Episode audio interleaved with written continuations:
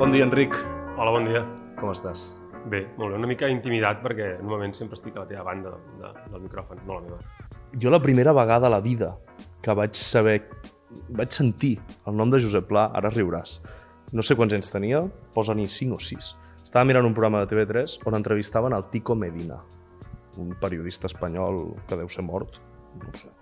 I no, no sé qui era l'entrevistador, poder era l'Àngel Casas. Y le iba a preguntar, eh, señor Medina, ¿cuál es su mayor referente? I va dir, José Pla. I jo, que tenia 5 o 6 anys, vaig pensar que José Pla era espanyol. I la meva mare em va dir, no, no, no, si és, és empordanès, és català. I allò em va generar una certa curiositat per aquell tal José Pla, que evidentment, amb 5-6 anys, ni fava de qui era, ni vaig, i vaig tardar molt a, a trobar-ho. I, I això em lliga amb una altra anècdota que eh, jo vaig estudiar filologia, a la uni teníem molts amics mallorquins i fa dos o tres anys eh, una amiga meva mallorquina li vaig regalar un llibre de pla d'aquells viatges de Mallorca, una guia de Mallorca, una cosa o de les illes i em va dir uh, això em regales un llibre d'un feixista? I allò em va lligar amb el Tico Medina i després amb ella i amb com li havien explicat Pla a Mallorca, segurament a l'institut, no sé quin institut va anar, Inca o el que fos, i aleshores li vaig dir, no, no, no, o sigui, Pla és un resistent de la llengua i de la cultura catalana. I li vaig dir, això és el que diu l'Enric Vila. I li, vaig, I li vaig enviar un article teu. Per això tenia ganes de fer aquest podcast amb tu. Perquè, eh, clar, a- a mi el teu llibre fa 14 anys em va permetre deixar d'entendre Pla com aquell senyor Tico Medina me l'havia venut un dia o poder explicar Pla d'una manera per intentar convèncer la meva milla- mallorquina que no és un feixista com la historiografia espanyola, sobretot, i mm, autonomista catalana. Clar, però fixa't que això et planteja una cosa que és la necessitat que tenim de lligar-nos al passat al passat d'alguna manera. És a dir, perquè jo pregun podia preguntar, i per què necessitaves tu pla? Però necessitaves, perquè tots necessitem lligar-nos al passat d'alguna manera a través dels nostres millors homes o de les nostres figures més representatives o que ens poden ensenyar més coses. No? Ah, el problema aquí és que, com que el periodisme espanyol és tan pobre, perquè evidentment la situació política de, del segle XX a Espanya ha sigut la que ha sigut, doncs Pla és el millor periodista català i espanyol. Els periodistes espanyols de Madrid necessiten el Pla de referència perquè no tenen referents. I aleshores, bueno, que aquesta era la, la intent de victòria del franquisme. Per això, i el que fas és, és no girar-ho, però és quan tu portes cap a tu, què passa? Que llavors els espanyols es veuen obligats a reconèixer una cosa que no, que no volen saber que existeix, que és Catalunya. Llavors és quan es produeix aquella, una cosa molt divertida, que és que tothom em deia pintes pla independentista. I jo sempre pensava, quina colla de... Dic, jo estic dient només que és català. Ets tu que penses que és independentista perquè en el fons saps que el futur normal de qualsevol nació és la llibertat.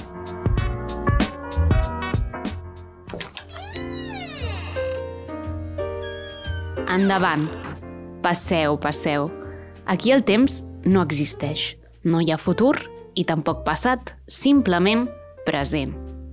Si voleu sumar-vos a la nostra conversa, poseu-vos còmodes i acompanyeu-nos durant mitja hora en un viatge que comença ara, però que ningú, ni tu ni nosaltres, sabem encara com acaba, si és que acaba. Benvinguts, doncs, al Cafè de la Granota, un podcast del nacional.cat.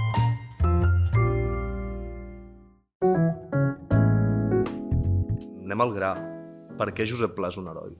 Uh, bueno, és un títol irònic, eh?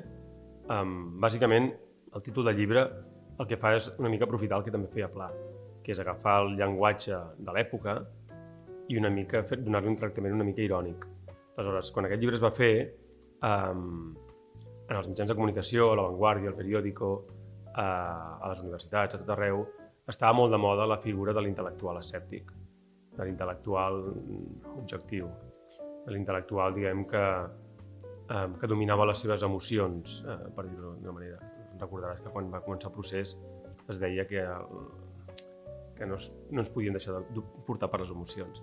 També ara ara s'acaba d'estrenar Maverick, aquesta, la pel·lícula aquesta del Tom Cruise.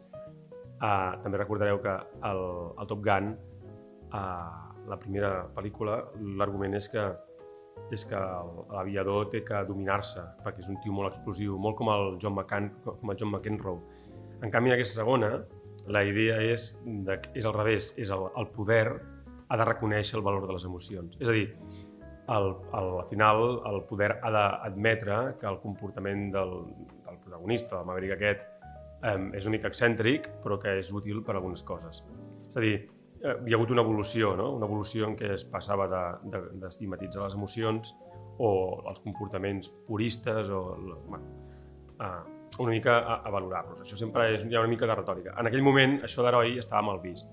Encara veníem d'una època de la postguerra en què feia molta gràcia quan Pla deia allò otro que ha, otro que ha muerto de pie.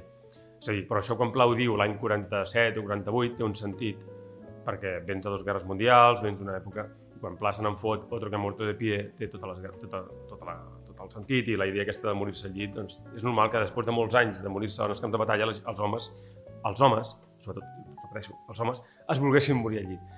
Uh, jo vinc d'una època en què, en, què, en què els homes eh, no, és que no, es, no és que es vulguin morir en un camp de batalla, mm, però entre morir-te amb un accident de tràfic i, diguem, i acabar malament per alguna cosa que has intentat que realment volies, doncs sempre val més morir-se, no? Eh, intentant una cosa que volies o lluitant per alguna cosa en la qual creies, no?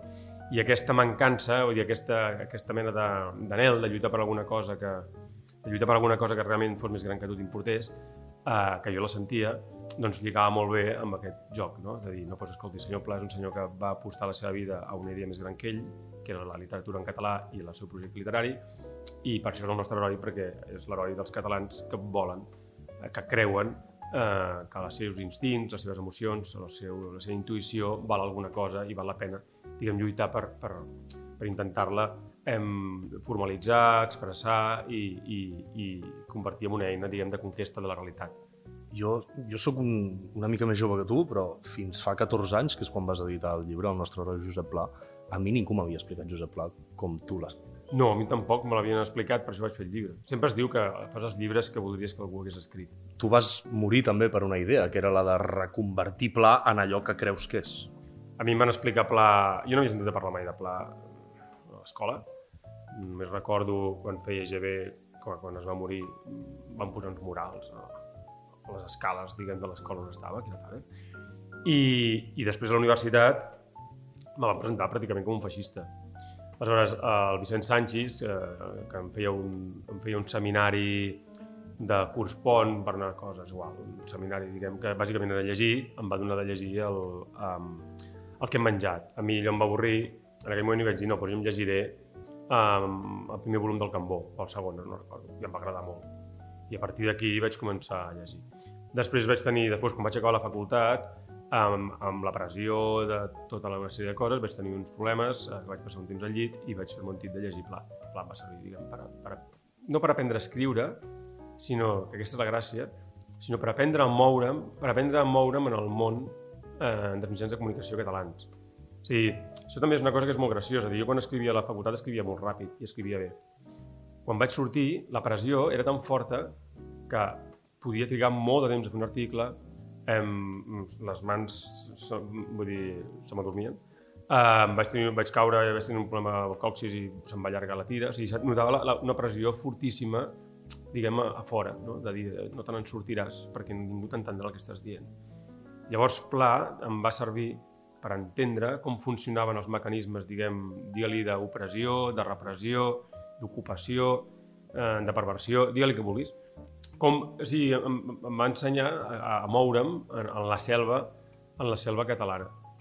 Um, bueno, a veure, ja ho saps, a més, vull dir que el, el, el llibre del el primer llibre que vaig fer va ser el del Barrera, com va acabar? Em preguntaven per què li has preguntat, per què li has fet aquesta pregunta? Els meus propis companys de curs em deien, però per què li has, per què li has preguntat si era més intel·ligent un blanc o un negre?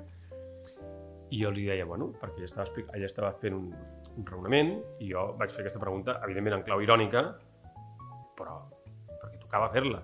Però vull dir que els teus propis companys et, et retreien que fossis capaç de fer aquesta pregunta, ah, per no parlar dels grans, és a dir, dels, dels que eren els meus suposats professors, que es van portar tots com una colla de, de, gent molt petita. I llavors, clar, deies, aquests són els teus referents i t'estan ensenyant això i jo no vull ser així, però jo quins mitjans tinc, com ho faré per, per fer-ho d'una altra manera. I llavors Pla t'ensenya això. Per tant, Pla ensenyar a sobreviure. I a ell qui li va ensenyar a sobreviure? Ell va viure una època mm, molt bona. És a dir, ell encara forma part d'un món que té, una, que té una connexió directa amb la història. Jo crec. I amb la Terra. És a dir, ells van, a, l'època, la generació de Pla va, va, va, va patir la repressió física, però... I és un dolor físic, és a dir, et mataven, t'apallissaven, perdies una cama, el que fos. Sí, el que fos. Uh, paties pobresa, però en el, la, nostra, la nostra generació és aquella cosa que tu mires al mirall i no saps qui ets. És a dir, és una, és una repressió molt més, in, molt més interna. Um, el català és, és un dolor molt intern perquè no saps ben bé qui ets o allò que tu creus que ets no és reconegut en lloc. Jo encara me'n recordo la primera vegada que vaig veure la, la paraula Catalunya posada en un llibre. Era un llibre de Chesterton.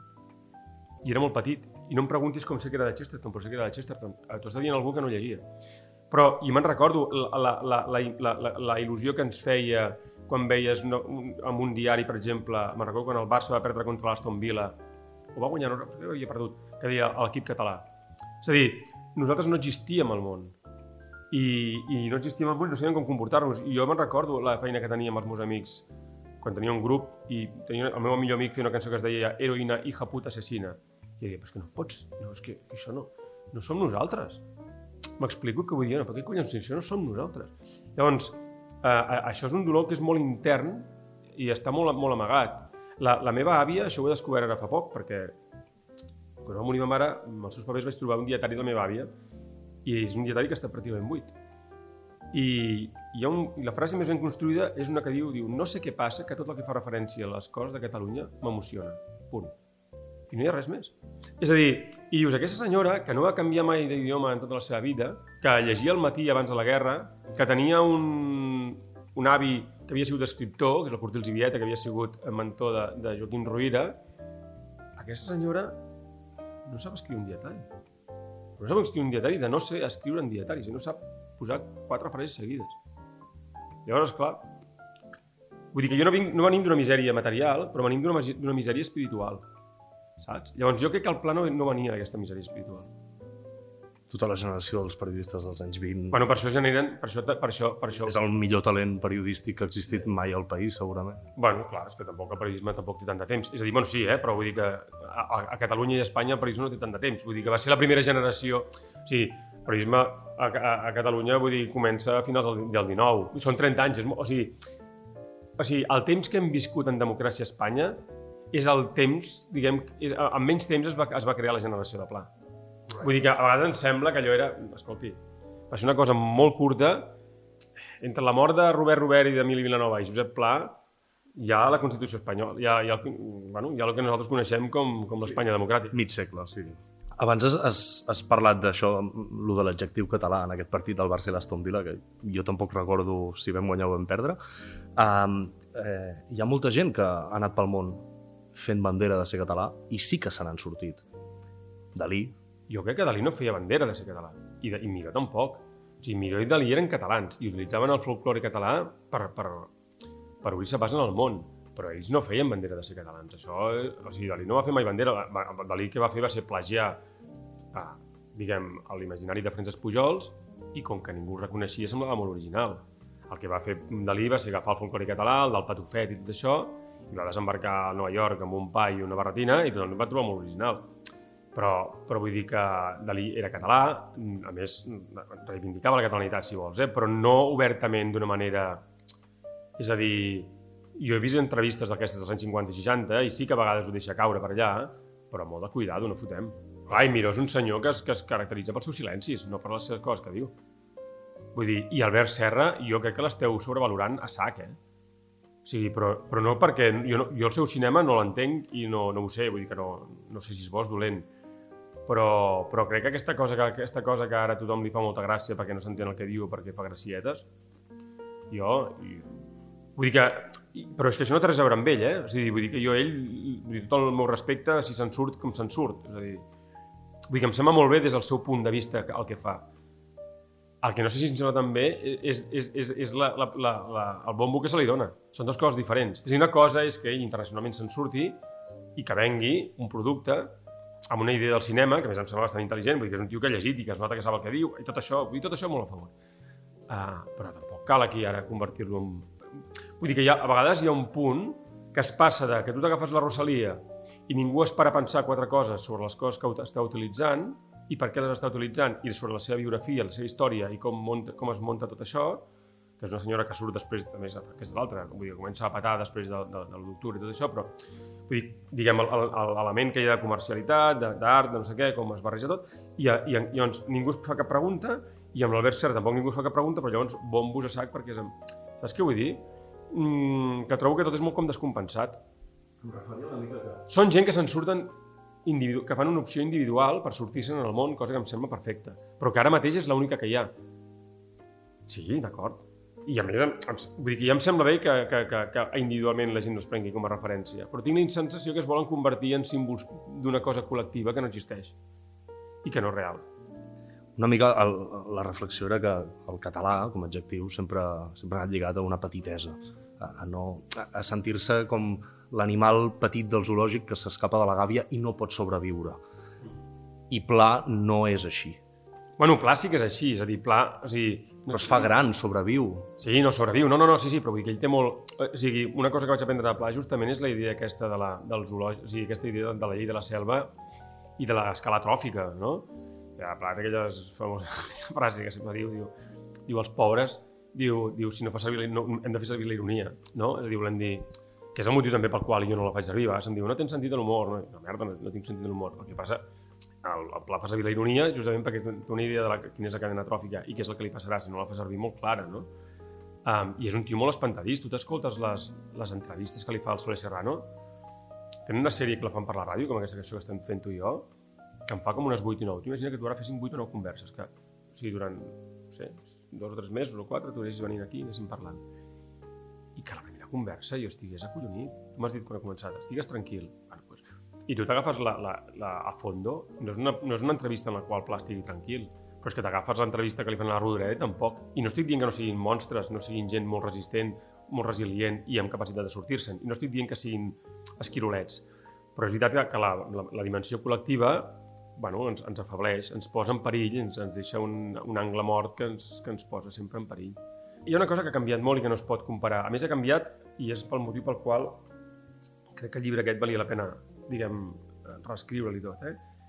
És a dir, mm, les condicions de supervivència del català han canviat molt, perquè abans les, condicions de supervivència en l'imperi hispànic. Aquest, a, a, a, aquestes condicions es van reduir tràgicament a partir de la, de, la, de, de la pèrdua de Cuba, perquè és quan l'estat espanyol es converteix en estat-nació, comença a fer el procés d'estatalització, i deixa de ser un imperi, es converteix... i per tant concentra tot el focus en Catalunya. Val? Um, I els catalans no poden fugir a fora l'imperi ni poden treure diners de fora. I per tant, tot s'ha de fer a Catalunya. I això genera una classe obrera empobrida, etc etc que després ens acaba esclatant el, els morros. Val? Ara, el que s'està produint és un procés d'imperialisme europeu. És a dir, l'imperi espanyol s'està dissolent, perdó, l'estat espanyol s'està dissolent en, un, en, un imperi, en imperi europeu. I els vells imperis, diguem, europeus s'estan dissolent entre ells en un espai comú, que és Europa i més, eh, més extensió Occident. I amb això nosaltres som els reis d'aprofitar les costures dels imperis. Aleshores, no és la mateixa la situació de, de, de Pla als anys 40, 50, 60 que la nostra. Saps? Que vull dir, la nostra és molt més semblant a la de Prim, perquè ens entenguem, o la d'altres figures anteriors que ni tan sols coneixem, perquè, evidentment, és una època diferent i, per tant, doncs, però tots aquests capitans, aquells que van ajudar a fer la independència, la independència dels Estats Units, els, els marrufats o garrufats, com es diguessin, aquell que va a, a Sebastopol... És a dir, tenim tota catalans internacionals del segle XVIII, tenim tot un estol de catalans que van anar pel món, eh, que són mig coneguts, no gaire coneguts, eh, però que responen a això, a la, a la possibilitat de moure's en, una, en, una, en, una, en, un, en un entorn més o menys... Eh, tot el, tots els generals carlins, no? que o sigui, mira, el, el general Tristany i el general Prim tenen una cosa en comú, que dos reis els hi van regalar un sabre. Dos reis europeus, un el del Piemont, l'altre el de Nàpols. Clar que són regnes que, són, que, que ja sabem com van acabar. però, no, no. Però, però vull dir que poca broma, però, bueno, però encara podria dir més. Tots dos tenen una cosa en comú, tots dos van parlar amb el general Gran, dels Estats Units. Clar, hòstia, poca broma, eh? Vull dir que, el que vull dir és que el, el català internacional, aquest que ara tothom posa l'èmfasis en l'Albert Serra, en el, en, el, en el Dalí, no sé què, pues, si mirem enrere en tenim més. El que cal mirar són les condicions de, materials també de, de, per, per sortir-te'n, no? I jo crec que han canviat molt respecte al segle, respecte al segle XX. Bé, parlaves ara de, de navegants, de capitans, de militars, sí. després hem parlat d'artistes. Sí. Bueno, però també podríem parlar de, de, de pintors, és a dir, el rigor, El, el, el rigor artista, el, que va, el, el famós retrat, el, el retrat de, de, de, de Lluís XIV, qui el pinta? Un català. Bueno, és un de Perpinyà, mireu, mireu per allà, vull dir, el, el rigor. Vull dir que, que no, no, no és una cosa que diguis... El que no tenim és un estat-nació, això sí. Al segle XXI, eh, sense militars, i amb artistes que, com dius tu, fan el seu camí individual, qui, qui serà qui ens posarà a dins d'Europa? Però és que és aquest... Des de la literatura no ho aconseguirem. Però és que en els altres segles, és el que t'estic dient, el segle XVIII, XIX i XX, nosaltres vam desaparèixer de la història, tampoc hi érem, hi havia individus. No, no, o sigui, Catalunya desapareixerà de la història, el que no desapareixeran són els catalans. Sense un estat i sense un poder polític fort, nosaltres serem esborrats de la història, una altra vegada. Esborrats o soterrats. I políticament serem soterrats, perquè eh, no dic que, que hagi de ser així, eh? No dic que hagi de ser així, però és una possibilitat que pot passar. És a dir, perquè políticament, si no, políticament no tenim força, ens tornarà a enterrar la, la, la, la, la, el poder dur. Nosaltres vam tenir una finestra d'oportunitat que no vam aprofitar. Jo crec que n'apareixeran d'altres. Mm, jo crec que n'apareixeran d'altres encara, perquè tot el sistema aquest no està tancat. O sigui, no estem... O sigui, és com si estiguéssim entre 1640 i 1705, perquè ens entenguem. O sigui, el sistema in- internacional de Westfàlia no es tanca fins a final del segle XVIII. O sigui, encara ha de passar, diguem que Polònia, la, la Confederació Lituània-Polonesa encara ha de desaparèixer. Eh, encara han de passar... molt- Itàlia encara s'ha d'unificar. O sigui, encara han de passar... No, unificar potser no, però vull dir que encara, diguem, els espanyols encara han de marxar d'Itàlia. És a dir, tu t'agafes el segle XVIII i és un segle molt llarg. Les, la, la, la, les conseqüències de la guerra de successió, diguem, no, no, no s'acaben notant, en el fons, fins que no hi ha la Revolució Francesa. Vull dir que passen... Doncs ara és una mica el mateix. Jo crec que tenim 50, 50-60 anys de coll per fer alguna cosa. Un dels motius de la reescriptura del llibre, eh, la primera edició va ser fa 14 anys, Sí. Ha estat també tot el que ha passat després del procés. Sí, o sigui, Aquest trencament històric. I la, i, la, I la pandèmia, i la sensació de que... És a dir, a, a, a, jo vaig fer Londres, París, Barcelona dient a la globalització pot anar cap a dos costats. No? O, diguem, Europa pot respondre a la globalització de dues maneres. Amb un sistema de ciutats a l'estil suís o amb un sistema de ciutats a l'estil francès. És a dir, quatre grans ciutats hiperpoblades i molt fortes i centralistes o un sistema a l'estil suís. Sembla que anem cap a la cosa més francesa, més russa i més alemana amb el mal, amb el mal sentit de la paraula, és a dir, més, més, més nazi, per dir-ho per dir així. No, no, és així. El primer que va fer Hitler va ser abolir les autonomies, vull dir això. Um, la primera cosa que va fer quan va accedir al poder. Aleshores, um, per tant, la pregunta que jo em feia allà ja està resolta, no? Anem cap aquí. Um, jo crec que, que la pandèmia, a més, va fer un tall molt fort. I ara estem en un moment en què la, el món antic jo crec que està desapareixent. O sigui, tot el segle XX ara sí que se n'estan anant per l'aigüera. Tot el que queda del segle XX s'està anant per l'aigüera. Un dels problemes que tenim és que els polítics parlen encara són del segle XX. Els polítics catalans, els espanyols, els francesos. L'únic que no és del segle XX, per exemple, és el, és el, és el, el Boris Johnson. Mira el cabell que té. El cabell que té és futurista. No, és que és així. El cabell que té és futurista. La resposta del Zelensky té un punt de futurista, però la situació en la que es troba és profundament segle XX. Uh, per tant, hi ha, tot aquest, hi ha tot, tota aquesta mena de... Ens estem desfent del segle XX, no? Hi ha tot un món que se n'anirà per l'aigüera. I una cosa que hem après de la història és que cada vegada que, la, que les estructures, que les elites uh, i les institucions queden encallades en en el temps, hi ha un esfondrament. Val? Mm, que és el moment en què estem, no? que tot un toll. Llavors, com que tot això se anant per l'aigüera, jo el que intento fer és, és una mica síntesi, de dir, del que hem viscut, què és el que ens hem de quedar i amb què, o sigui, amb, amb què voldré sobreviure en el, en el, en el segle XXI aquest. Del, del segle XX, què és el que vull? Doncs el segle XX, doncs, doncs la meva manera és de dir, bé, agafo aquest llibre, que és el nostre heroi, que és el llibre, diguem, fundacional de la meva literatura, perquè el primer és el, és el, és el Companys, però el llibre que marca la manera com escric i la manera com jo m'oriento i, i del meu món i tot això és el, és el, és el llibre del Pla. El, batejo i això és la base literària de la meva obra. És a dir, perquè una obra literària, la, la gràcia que té és que és un món. O sigui, els llibres, diguem, reboten un, un, un, un amb l'altre. És a dir, no... Un, escriptor no és un llibre o un altre, són molts llibres. O sigui, encara que hi hagi un que sigui més conegut, és aquesta cosa de la, de la Recherche de Proust, que és tot un, són diversos volums. Hi ha, però vull dir, tu t'agafes Follner, un llibre rebota l'altre. Si tu agafes Salter, un llibre rebota l'altre. Si t'agafes Pla, un llibre rebota l'altre, per això fa les obres completes. Um, el, el problema a vegades de, del Sagarra o d'algun d'aquests és que no, que no reboten tant els llibres perquè, no, perquè són llibres més aïllats, eh, sense que això, eh, sense voler aquí...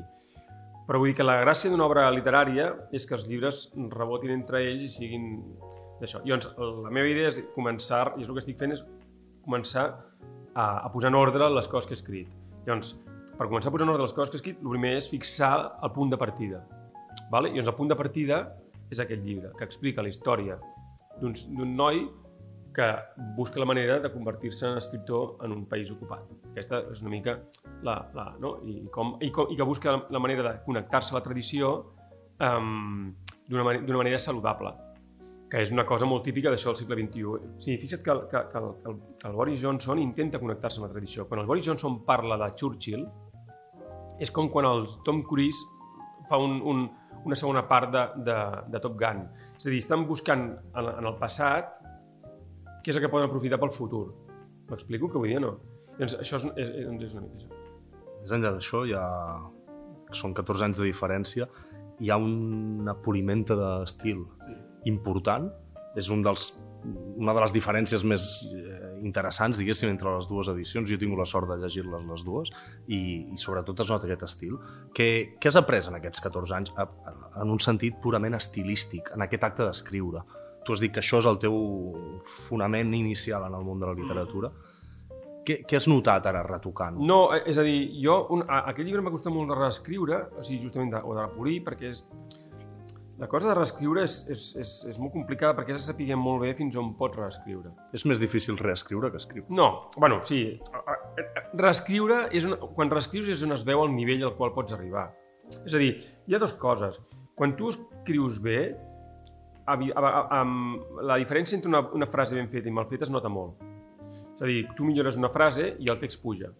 Quan tu escrius més malament o tens menys coses al cap, és igual si la frase la poses millor o pitjor, no es nota tant. Jo això ho he vist des de, des de que vaig començar a escriure. És a dir, jo canviava... Perdó, eh, però, perquè digui que escrivia, però sí, a dir, jo canviava una frase i el, i el text em millorava molt. I, i m'anava, a vegades, si, si no estava la cosa prou afinada, l'article no funcionava prou bé. En canvi, altres funcionaven millor de qualsevol manera. Però jo si arreglava el, el text, llavors el meu text pujava molt més amunt. No?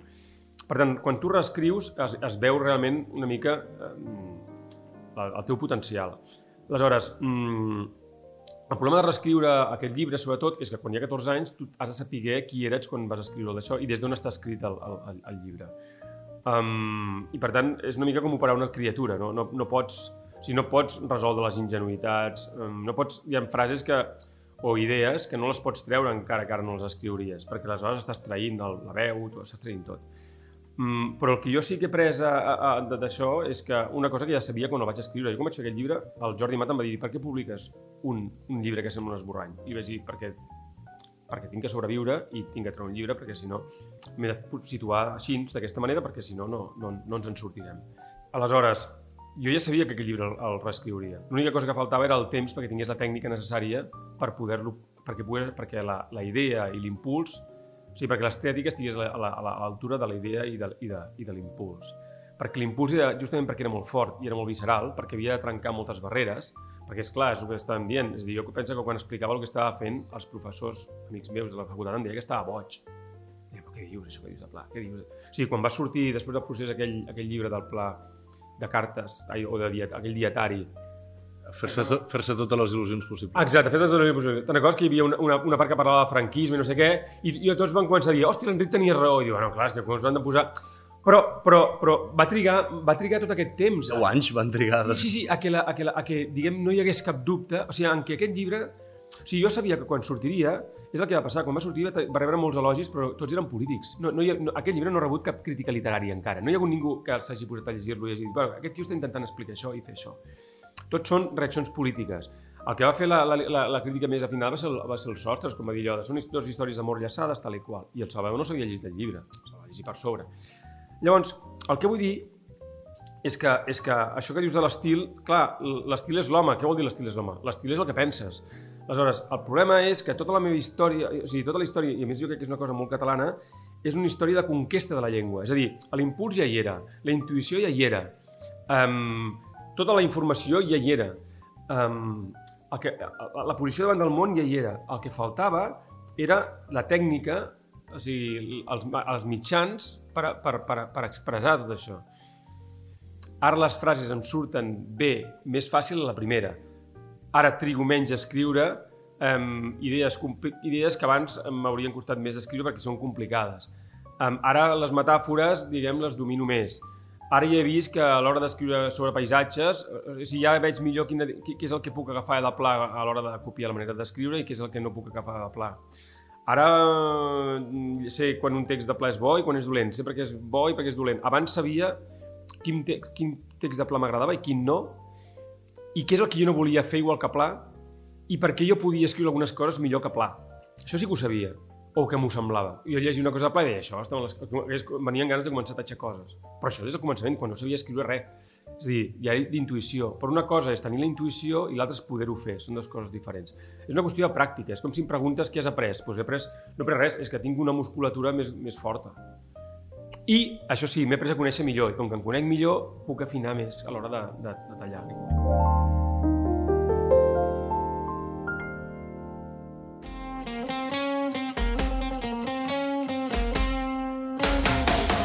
La quiniela del cafè de la granota.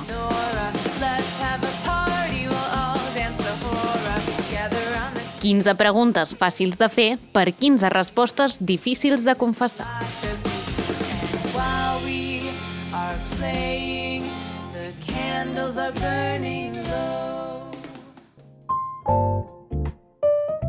Aquest podcast, el Cafè de la Granota, l'última part és un petit qüestionari íntim amb algunes preguntes una mica pujades de to i divertides eh, que s'emmirallen al famós qüestionari Proust.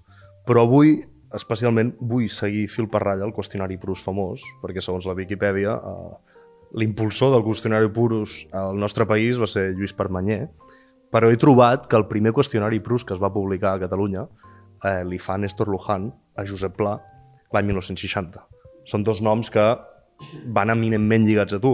Vas, vas, fer, la te vas fer la tesi de Luján, no? Jo vaig fer la tesi de Luján sense saber que, que, que, el, que el seu mentor... Sense saber, sí que ho sabia, però, però vull dir que quan vaig proposar el, de, de fer la tesi sobre Luján no sabia que el seu mentor era Josep Pla. Vull dir, la gràcia, té, té gràcia perquè quan jo, vaig, quan jo vaig presentar la beca per fer la tesi ja havia llegit Pla. O sigui, ja, ja, ja tenia l'obra completa a casa, perquè ens entenguem, no? Um, però no sabia que Néstor Luján era un fill de Pla, directament. Però, bueno, això, Luján sempre reverenciarà Pla i no m'estranya gens que, que, que Luján... No m'estranyaria que la idea del, del, del, del qüestionari aquest fos en realitat de Luján, no pas del Permanyer, que no crec que hagi tingut una idea en la seva vida, uh, però, però, però sí que, que no m'estranya gens de que, de que el, el Luján li fes un qüestionari prosa a Pla. Doncs bé, després d'haver parlat tanta estona de Josep Pla, tinc una mica de ganes de parlar d'Enric Vila, a nivell més personal. Per tant, eh, et repetiré fil per randa les mateixes preguntes que li va fer Luján a Pla el 1960. Algunes eh, tenen respostes brutalment llargues. Eh, tingues tota la llibertat per respondre... Intentaré ser breu. No, no, Tot i que m'he enrotllat molt, em sembla, però bueno. no passa res, això és un podcast. Tingues tota la llibertat per respondre tal com vulguis. Jo només hi afegiré una última pregunta, que serà l'última. Eh, I la primera, el qüestionari, evidentment, és en castellà, és a destino, jo te'l faré en català. Eh? Avui estem a casa teva, al Masnou, però la primera pregunta que li fa Luján a Pla i que jo et faig a tu és on t'agradaria viure? On m'agradaria viure? En realitat, m'agradaria viure a Francesc Macià, a Barcelona. Però, clar, amb una Barcelona eh, que fos catalana. No des d'un punt de vista ètnic, sinó des d'un punt de vista polític. És a dir, aleshores, vull dir, amb una Barcelona que tingués alguna cosa a oferir-me realment. A Francesc Macià seria? Sí, que és on he viscut tota la vida, sí, sí. No, no, és, no és que sigui original, eh? No és perquè sigui molt original, és perquè és el meu barri, és on he crescut i, i és, on, és on jo hi, vaig plantar la bandera. I és el que aboca, diguem, el millor de la meva vida. El que passa és que per circumstàncies doncs, doncs visc a Masnou, que també és un bon lloc per viure. Vull dir, materialment segurament és millor. Creus que Barcelona tornarà a ser catalana, com dius tu? Políticament, eh? Sí, sí, sí. Políticament, evidentment. Sí, sí, sí, sí, sí, sí, sí. sí, sí. Jo és que jo no crec que ens estiguem... Jo no crec que, haguem, que això sigui... No, no ho he vist tan dramàticament com algunes persones. Sí, jo sóc molt... Crec que... és- Sí, sóc molt dur. Intento ser molt realista amb la situació actual i tal, però no, no tinc una, una, aquesta cosa com d'extins apocalíptica, saps? L'altre dia escoltava el teu podcast Casablanca amb el Xavier Bru de Sala, que ell té la tesi del seu llibre Barcelonismes, que sense Barcelona Catalunya no, no anirà enlloc. Sí, però sempre passa el mateix. Vull dir que Barcelona cau, el país es replega i després torna a conquerir Barcelona i sempre és una mica... Vull dir que... Seguim amb el qüestionari. Eh, pregunta una mica... Bé, què prefereixes, el dia o la nit? Ah, no, és una pregunta important. Um, és curiós. Els meus amics normalment prefereixen la nit, excepte la meva senyora, que prefereix el dia. Jo estic entre, el dit i, entre, entre la nit i el dia. Depèn de, depèn de l'època, depèn de la setmana, fins i tot a vegades depèn del dia. Per escriure? Per escriure, depèn de la setmana, depèn del dia, depèn de l'època. I quina estació de l'any? Ah, això sí. Quina estació de l'any? La primavera, eh, potser és la que més m'agrada. Per què? Bueno, perquè és quan surten les flors. Eh, La primavera té un defecte, que és que és, té un punt de frívol i, i que provoca, provoca al·lèrgia, però la, la tardor la, la, que la, la, és, és fosca, a l'hivern és fred i l'estiu és calorós. Per tant, si em preguntes quina és l'època que m'agrada més, doncs segurament és la primavera. És quan els paisatges estan més bonics. Josep Pla no va respondre això. No, no, ja m'ho suposo. Saps què va respondre? Tu pots imaginar? O la tardor o l'hivern. L'hivern. L'hivern, no? Sí. Quin és el teu ideal de felicitat a la Terra? pues tenir la casa pagada, els metges pagats, el transport pagat, salut i peles, i el més són punyetes. Salut i peles és el titular. Sí, sí, i el de més són punyetes. Jo, Quins herois de novel·la són els teus preferits? Si n'haguessis de dir dos... hòstia, herois de novel·la. No, jo et puc dir, eh, és a dir, el meu heroi és, és el Corsari Negre i, i, sol, i sol davant del perill. És que aquests són els meus herois, no? Perquè són els herois d'infantesa, vull dir, són la pel·lícula aquesta de High Noon, la vaig veure quan era petit i és una cosa que el meu avi sempre m'explicava. I, I el Corsari Negre, com a metàfora, diguem, de tots els... És a dir, podem posar-hi el, el Dick Turpin, i podem posar D'Artagnan, i podem posar tot el que tu vulguis, no? Però el Corsari Negre, que és una, una figura com més abstracta, no? menys coneguda, doncs segurament. Has estat sempre bon lector? No, jo no vaig començar a llegir fins als 24 anys, i de fet no vaig començar a llegir en sèrio fins als 27 o 28. O sigui, jo vaig començar a llegir amb la tesi doctoral. Li vaig fer, de fet, la tesi doctoral sobre Néstor Luján era una excusa per llegir els clàssics que no havia llegit mai. Havies començat a escriure, però, prèviament a llegir? Bueno, havia començat a escriure, sí, perquè quan vaig, vaig entrar a periodisme, evidentment, vaig haver d'escriure. Per això et dic que jo escrivia relativament ràpid i relativament bé, segons eh, fins i tot els professors com el Francesc Marc Álvaro, eh, fins que, vull dir jo recordo que els articles els feia com havia fet sempre els treballs, és a dir, amb música, tota pastilla i de qualsevol manera. Mm, I me n'en sortia. Fins que, diguem, m'hi vaig, o sigui, fins que vaig notar la pressió, diguem, social, perquè ens entenguem, no? Diguem, política, la, la pressió de això ha de servir per alguna cosa. Llavors ja va ser una altra història. Aquí lliga la pregunta. Uh, Luján li pregunta a Pla, ¿le cuesta a usted escribir? Sí, molt. A tu també? Molt, molt. Jo és que crec que la gent que diu que no li costa escriure no m'ho crec, o normalment ho crec que... Bueno, Quan t'hi poses, quan, quan jo no conec ningú que sigui bo que no li costi escriure. Fins i tot els sostres li costa escriure. Vull vull dir perquè ell sempre diu que no, però vull dir que... quan t'hi poses, quanta estona pots arribar a estar fins que allò arrenca? O sigui, jo hi ha articles que els puc fer en una hora i mitja o hi ha articles que els puc estar sis hores. Però això no depèn... Això, o sigui, això també depèn del moment creatiu en què m'agafa. És a dir, quan dic articles o els llibres, o... perquè tu estàs pensant tota l'estona. Llavors, hi ha dies que les tens més madurades i dies que les tens menys madurades. El que importa és com de madurada tens la idea quan et poses a escriure. Però això no és una cosa que sigui matemàtica, perquè també, és, també depèn de l'estat d'ànim. Per exemple, si tens un estat d'ànim baix, escrius d'una manera o va bé per escriure algunes coses, però, si tens, però en general és més difícil. Si tens un estat... La, has de tenir força. O sigui, escriure és una qüestió d'ímpetu, de, de notar les, de, de, que tu ets capaç d'agafar l'espurna o la intuïció i, puja, i, i, i, i, i pujar-la a pes. No? Llavors depèn molt del dia i depèn de moltes coses. Jo, jo no hi crec en això de... Sembla que era el, el pla que, li de, que de, en algun lloc deia que un article li costava 3 hores d'escriure, 3 hores i 3 hores, em sembla que feia 3 hores i 3 hores, 6 hores en total. Sembla que deia això, no, no me'n recordo, eh? que ho feia en dos parts. Jo no ho sé, no, sé, no t'ho sé dir. Eh, Vull dir que em sembla, em sembla molt fictici posar un temps per un article. Jo sé que un article, quan un article està acabat. I sé que a vegades els acabo sense entendre com ho he aconseguit. Això també és veritat. És a dir, al Nacional, clar, o, o al, al Patreon, jo he d'entregar el text a una... Ja, ja tinc un límit. I aquesta pressió, que és una pressió fastigosa, a vegades hi ha dies que dic, és que no, t'hauria de trucar i dic, ja l'envio demà, perquè no sortirà. Perquè és que no està resolt, no surt, no, no, no, no sé com acabar-lo, o no estic, aquesta idea no està prou madurada, o això no està prou ben explicat. i al final, per alguna cosa que no entenc, sempre acaba sortint. Suposo que és que... La màgia de l'escriptura. Bueno, també és perquè jo suposo que baixo el llistó i suposo que hi ha un, una... O sigui, hi ha un, hi ha un moment que hi ha un, una, una, fas una mitja entre que baixes el llistó del que tenies al cap i ja te n'oblides de com l'has baixat o no ho sé.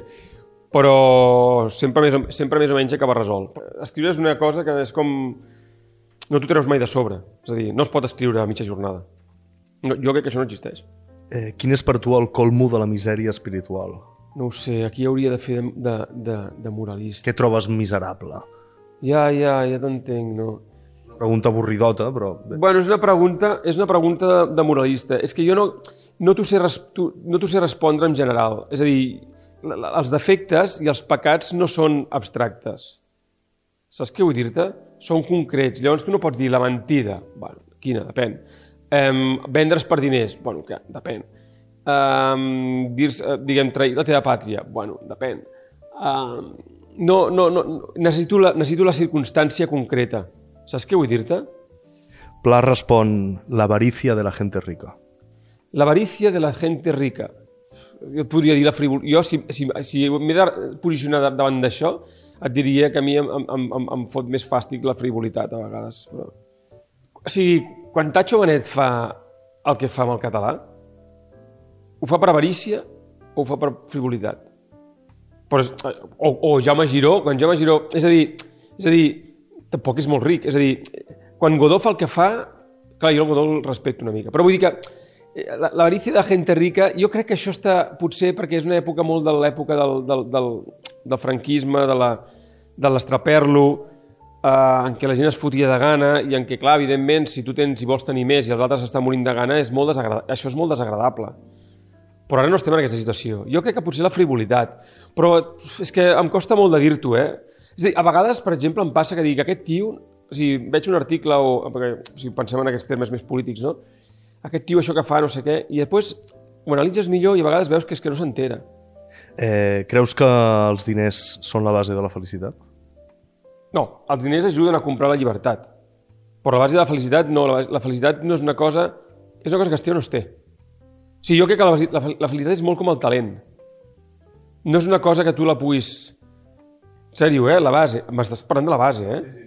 La base de la felicitat jo crec que és com el talent. No és una cosa que la, és una cosa que la tens o no la tens. No depèn de, de l'exterior. Mm, Jo quasi diria que depèn de la genètica. O sigui, de, depèn de, la, de coses que no estan, estan absolutament fora del teu control. Tu tens un Patreon amb bastants subscriptors que t'ha permès assolir aquesta llibertat d'expressió, sobretot. Malgrat que em consta que escrius altres llocs on no et tallen les ales, però en aquest Patreon ets 100% lliure. No me les tallen perquè hi ha el Patreon. És el que, intenta, és el, que el, el Bernat intentava explicar l'altre dia en un article que va fer, que jo pensava, és que no, sí, però no. perquè és, és diferent. És el, és, o sigui, és depèn d'on poses... És allò que et dic, depèn d'on poses l'accent. M'entens? És a dir, que les coses no es poden resumir en fórmules. Has d'anar al, tema, has d'anar al cas concret. Aquest Patreon no tindria si jo no tingués una predisposició molt, molt natural per la, per la felicitat perquè és un acte d'un cert despreniment. O sigui, si jo no m'hagués cregut... O sigui, si no hagués sigut molt autosuficient des d'un punt de vista a, a, emocional, no hauria gosat mai fer un Patreon. Encara hauria gosat menys posar els podcasts a 10. Pensa que ningú, tot, tothom em deia que era boig. Um, com que no ho hagués gosat fer, o sigui, no hagués gosat uh, tenir l'agressivitat que he tingut en, en moltes coses fer els talls que he fet en moltes coses, és a dir, deixar Ordre Aventura quan havia de deixar, fer en primaris el que havia fet, és a dir, encertar les coses abans que passessin, perquè és la manera de... No abans que passessin, abans que fossin evidents. I això només ho pots fer si tens no una seguretat amb tu molt gran, perquè no és que jo sigui molt segur de mi mateix, sinó una predisposició a la felicitat, és a dir, que, que de seguida estàs content i per tant, bueno, doncs, tampoc no necessites massa els altres, m'explico? I això és el que fa que, curiosament, perquè no ho vols, ho tens. És a dir, perquè no ho necessites, ho tens. És com les dones. Quan no les necessites és quan venen. Quan les necessites és quan se'n van. Aviam, fem una, unes 3-4 preguntes ràpides, eh, directes. Eh, quin és el teu pintor preferit? Ai, el meu pintor, el meu pintor preferit és, és Fortuny. Quin és el teu color preferit? Estic entre el blau i el vermell. Quin és el paisatge que més t'ha impressionat a la vida? No ho sé. Potser quedarà molt, molt, molt d'això, però els paisatges d'Olot. Els reals o els de la pintura d'Olot? No, no, no, els, els reals. Quin és el teu plat preferit? El meu plat preferit? Un entrecot a la planxa. Poc fet? Sí. Tot i que també m'agrada molt els cervellets, les vísceres, les coses aquestes. Però si em preguntes quin és el que jo... el- un bon entrecot, això és poc fet. Uh, vi blanc o vi negre? Algun en concret? D'alguna zona? No, el Syrah potser m'agrada, però bueno, perquè, perquè, perquè el vaig descobrir quan era jove i en aquella època venia d'Austràlia, però no té cap mena de... No sóc un gran connoisseur dels, dels vins, no. Quin és el teu prosista preferit? El meu prosista preferit? O preferida? La preferida? No, preferida no, les dones no les entenc com escriuen. No en general no m'agraden gaire. Uh, no, potser Salter. Potser Salter, potser el que és el que més m'agrada. És el que, amb el que més m'identifico, no sé com explicar-ho. Però no, no perquè em pensi que és el millor, eh? O sigui, jo no tinc... És que això de més preferit... O sigui, el, el que més admiro és Proust. Però, per exemple, Proust jo vaig aprendre... Jo, vaig aprendre, jo sempre dic que una, una, la distància que tinc... O sigui, la manera que tinc d'escriure, l'esperit amb què em poso a escriure, està tret de Proust. I està tret de Proust quan el vaig començar a llegir sense saber francès. És a dir, vull dir que el sabia molt poc, però la musiqueta, allò ja em va donar el que necessitava. És a dir, clar, eh, també et podria dir, mm, pla, és que a mi aquesta cosa del més al menys és una cosa que em costa molt. És, és la pregunta Proust, és la pregunta Proust. És el, és el, és el qüestionari, sí, sí. Sí, sí. Eh, Pla, per exemple, respon eh, Chateaubriand. Chateaubriand, imagina't, és que clar. Um, hem parlat de prosistes. Quins són els teus poetes preferits? És que és molt pedant, això, perquè jo no llegeixo poetes. No? No, a mi m'agrada Ausiàs Marc, però m'agrada Ausiàs Marc per les quatre coses que ell tinc perquè el tinc, tinc allà. I, tam, i, tam, i també m'agrada molt el, el, el, el Neruda. Uns 10 o 15 llibres de poesia, la majoria dels quals me'ls va comprar el, el, el Sostres quan el vaig conèixer un dia, allà a la Laie, i allà estan. I de tant en tant els llegeixo per, com, per... Si tens un mal dia, has d'escriure un article i necessites fer un, un, unes frases efectistes, obres un llibre de poesia, llegeixes una mica i sempre surt alguna idea per posar per allà. No hi estic massa d'acord. Bueno, és una... no, però és que és això que et dic, és una cosa molt patillera, però el que vull dir-te és que jo seria molt pedant si et digués No, no, has estat honest, has estat... m'interessa la poesia, perquè la veritat és que la poesia no, no, no m'interessa, vull dir que no. De fet, de Gabriel Ferreter, eh, ja ho has dit en el, a- al Patreon, que t'interessa més la seva figura que no pas la seva. Sí, sí, sí, sí. sí. I ara estàs dedicant una petita sèrie a explicar la figura, la Bueno, persona. la, sí, no, no, i, jo, i, i consti, jo faig llegir a la, a, la, a, la, a la Marina li faig recitar un poema cada vegada, però fixa-t'hi, ho faig més per veure si aconsegueixo entrar en la poesia i que ella em faci entrar en la poesia i que no pas per altra cosa, és a dir, la poesia són moments, la poesia ja és, jo només hi entro per moments, a través de persones concretes i de moments concrets que m'ensenyen coses concretes. Doncs pues això, la Marina amb, amb, amb Ferreter, el, el, el, el, l'Abel, tot i que ha fet la prosa, amb, amb, amb Baudelaire i d'això, el, el Salvador amb alguns poetes, és a dir, gent concreta que en algun moment determinat t'ensenya una cosa i llavors hi entres. Però jo no, no, no, tinc, menta- no tinc esperit de poeta. Quins són, segons tu, els tres homes polítics més importants del nostre temps? D'ara? De la nostra època. No, jo que dir... eh, Bueno, si són, eh, estem parlant de Catalunya o d'Espanya? El qüestionari no especifica, jo, jo et diré de Catalunya. Vale, no, jo et diré del món. Uh, jo crec que el Pujol, um, Del món? del meu món, del meu món, i el meu món és el món. Jo diria que el Pujol, el Clinton, o sigui, més determinants, el Pujol, el Clinton i la Thatcher. Qui és el millor conversador que has conegut mai? Josep Pujol i Ferrusola. És l'únic tio que he vist fer callar el Salvador, no per la força, sinó pel geni. Sí, sí. No, no, és l'únic- és és l'única persona que he vist fer callar, he vist fer callar els sostres. O sigui, el, el, el, l'Alfonso Pestena guanya el Salvador per força, és a dir, per resistència. Però el, el, el Josep, el Josep el, el, Pujol el va guanyar per charm. Quin és el diari que t'agrada més del món El Times. i de Catalunya? De Catalunya? Cap. El meu Patreon. El meu Patreon és com, els, és com els llibres que fas, que els fas perquè no existeix una altra cosa, perquè, perquè necessites que existeixi. Quina diferència hi ha entre l'època en la qual va ser jove, fa 20-30 anys, i l'actual? No, doncs mira, doncs, eh, molt fàcil. Uh, en aquella època... Um, Abans has parlat d'una cançó de punk que parlava d'heroïna. No, no, no, no, no però, però, no, és- però parlava, on parlava per explicar la castellanització de totes les d'això i tot. No, no, la diferència entre l'època d'ara i la d'abans és que jo abans em podia permetre una frivolitat que ara no em puc permetre. És allò que he dit abans dels rics, també. És a dir, hi han coses que abans ens podien permetre i abans hi havia marge per unes coses que ara no tenim aquest marge. Jo sempre li faig la broma a la Marina um, que ara és quan valen els, els valors victorians que sempre ja ha reivindicat. Creus que el capitalisme està en decadència? Uh, no, crec que el capitalisme no està en decadència perquè el capitalisme s'assembla molt a la natura. El que, que està en decadència són les institucions que sostenen el capitalisme, que és diferent. Josep Pla va respondre el mateix. Ah, Mira, A quina ciutat estrangera t'agradaria viure? Londres. Per què? Bueno, de fet m'agradaria més... Sí, de fet m'agradaria molt més viure a París, però seria de rendista. Per què? Perquè Londres és una ciutat on, on, on, venen, on tens ganes de treballar. I com que jo crec que la ràbia es cura treballant, això és una, una cosa que també sempre la, la, la dic, perquè és veritat. És a dir, la frustració i la ràbia i la mala hòstia, totes les baixes passions es curen treballant. Eh, Treballar no és fantàstic. És a dir, quan tens... Però clar, treballant per alguna cosa que t'agrada, evidentment, si no és pitjor. Uh, I doncs, a Londres és una ciutat que uh, et fa treballar. En canvi, París és una ciutat que és un balneari. Com t'agradaria morir? Al llit, molt tard i dormint. Qui t'hauria agradat ser?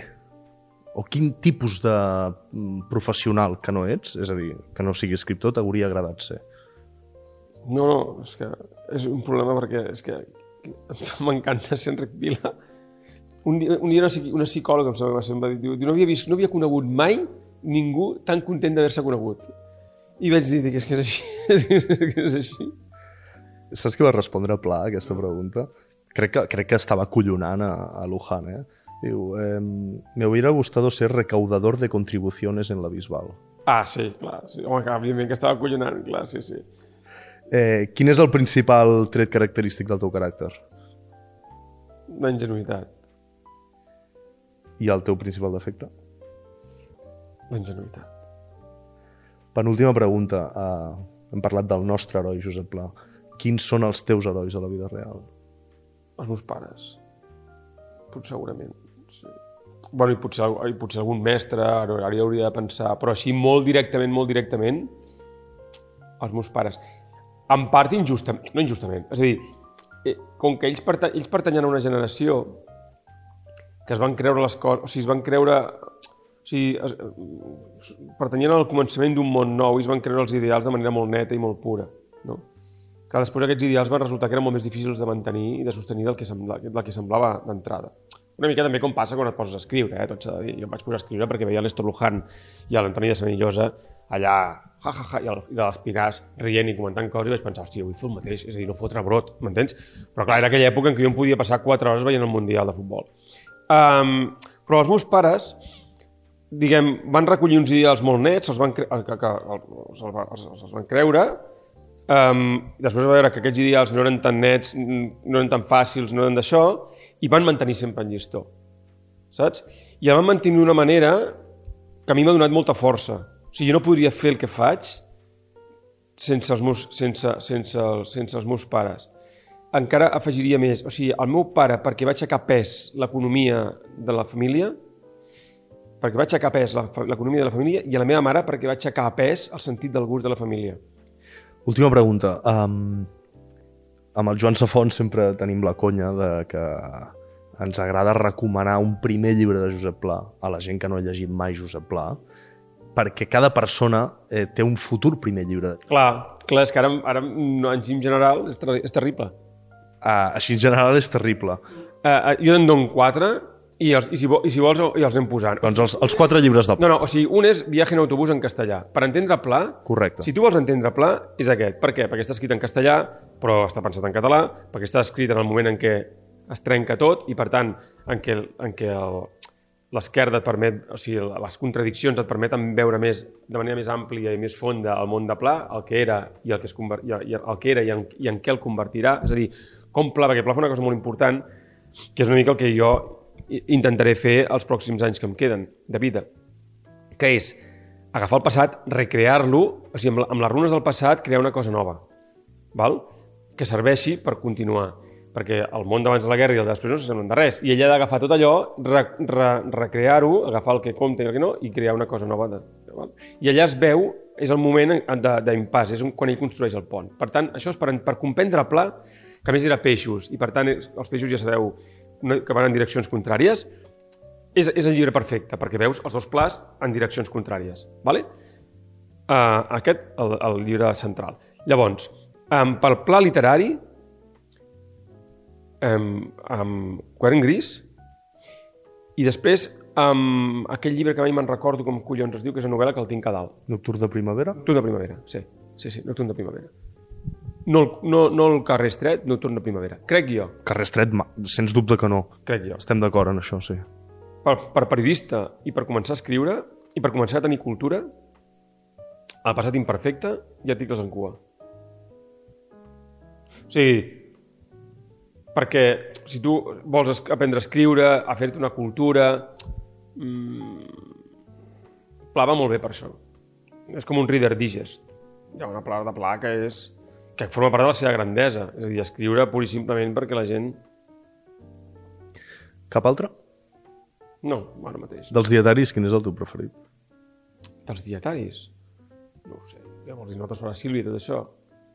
Notes disperses, notes del Cap Vesprol. És que tots cadascú m'agrada pel seu. És a dir, que notes de cap però m'agrada per la part aquesta que té, que no sé si és que realment estava ja dement o ho feia veure, i si ho, fe, i si ho estava, llavors m'interessa pel que sobreviu de la tècnica quan el cap ja s'ha perdut, i si no ho estava, pel que dona la tècnica per poder, i el, o sigui, pel que dona la tècnica quan es combina amb l'experiència. Les dues coses m'agrada molt. Uh, notes el, això, això notes el cap als pol. Notes per a Sílvia m'agrada, és potser el dietari més, més, potser és el més, el més aconseguit. No ho sé. Quin altre hi ha? És que no me'n recordo ja. Per mi és el Notes disperses. Ah, notes disperses. O potser és aquest. Sí que aquest deu ser més aforístic, oi?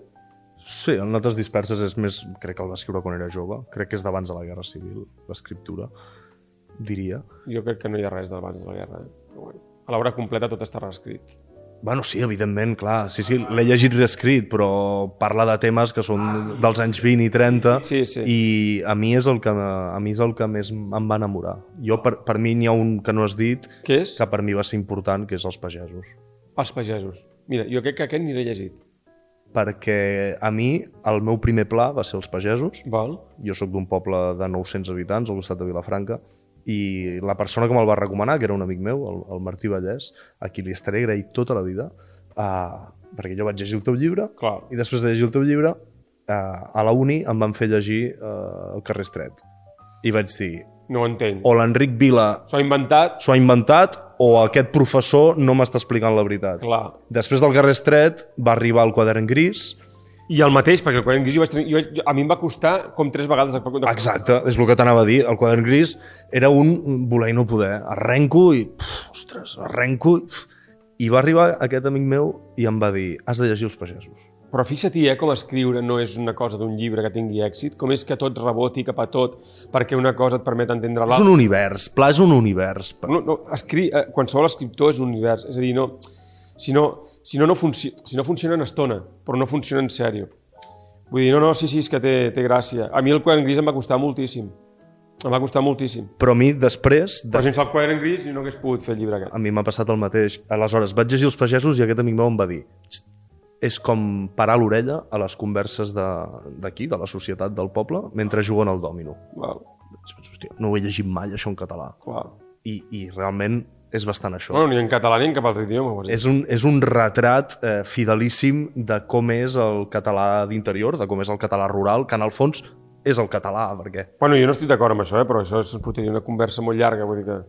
No, no, vull dir que el, no, vull dir que el català... Barce- Barcelona és... O sigui, hi ha una, un català, una Catalunya a descobrir, que és la Catalunya barcelonina, diguem, enterrada per les derrotes, que és la Catalunya medieval, la, la, la, o sigui, l'imperi medieval és un imperi barceloní i, i, la, i, la, i el dia que aquesta, que aquesta Catalunya emergeixi, les elites també aniran una mica més orientades. O sigui, perquè la, el problema que tenen les elites catalanes és que no saben qui són, perquè no són espanyoles i són, són profundament catalanes, però d'una catalanitat que no coneixen, perquè coneixen Catalunya a través de tots els tòpics del segle XIX i del segle XX, de tots els tòpics espanyols, a més. I, per tant, no connecten amb la seva pròpia personalitat, amb els defectes i amb les virtuts, amb la seva mala hòstia, amb, la seva, amb aquest punt d'avarícia i d'arrogància, però alhora amb aquest punt de grandesa i de mentalitat imperial. Quan, quan l'altre dia llegia, quan diuen que l'Isidre Fainé li va contestar en el Puigdemont, que Puigdemont li va preguntar tu què ets? I va dir, jo, soc, jo vull ser Jaume, tu què vols ser? O que soc, jo vull ser Jaume I. A mi m'ha fet molta gràcia, va dir, aquest tio no sap el que està dient. Aquest tio no sap el que està dient, però es pensa que és molt original i que està fent aquí cagarela, i el problema és que està dient una puta veritat com un temple. Jo estic super a favor que vulgui ser Jaume I. Perquè si vol ser Jaume I, el primer que ha de fer és protegir el pal de paller del país. M'és igual com ho faci, jo no sé com ho he de fer. Jo no soc un... O sigui, jo no ho he... o sigui, jo ni... M'entens que vull dir? No, no ho hem de resoldre tot, eh? tot no, no, m'entens? Els intel·lectuals, vull dir que és una cosa que s'ha de fer. Clar, llavors, aquesta cosa, o sigui, com que no estan connectats amb la Barcelona medieval i amb la Barcelona potent, amb la Barcelona que era capital d'un imperi, sense necessitat de tantes mariconades com han fet els Estats-nació, clar, Llavors, hi ha un procés de, de reconquerir aquest passat, de, de posar-lo en, en, en solfa i de, i de, i de convertir-lo en, en, en útil, que aquesta és una part que hem de fer els escriptors, en part, però que també, clar, les elites s'hi han de posar i a més ens han d'ajudar. És a dir, clar, amb un Patreon, sense poder fer la biografia del prim, sense poder fer no sé què, havent de treballar amb un pal i una canya, bueno, jo, farem el, jo podré fer el que faré. I, i, i seré un. Però clar, això no, fa, això no ho fa un, això necessites Mm, M'entens? Mira, Josep Pla se'n va anar a la Lliga perquè li van prometre que l'ajudarien a fer una història de la diplomàcia catalana i després el van deixar tirat. I d'aquest mal plora la criatura. Encara. Doncs, eh, Enric, si et sembla bé, ho deixem aquí. Sí, sí, deixa'm aquí. Hem parlat moltíssima estona, eh, jo m'hi estaria moltíssima més, eh? Sí, però els que escolten no. Exacte, els que escolten crec que ja estaran cansats. Espero que se'n vagin corrents a la llibreria a buscar el nostre Josep Pla o qualsevol llibre de Josep Pla. I gràcies pel teu temps i una abraçada. Molt bé, moltes gràcies.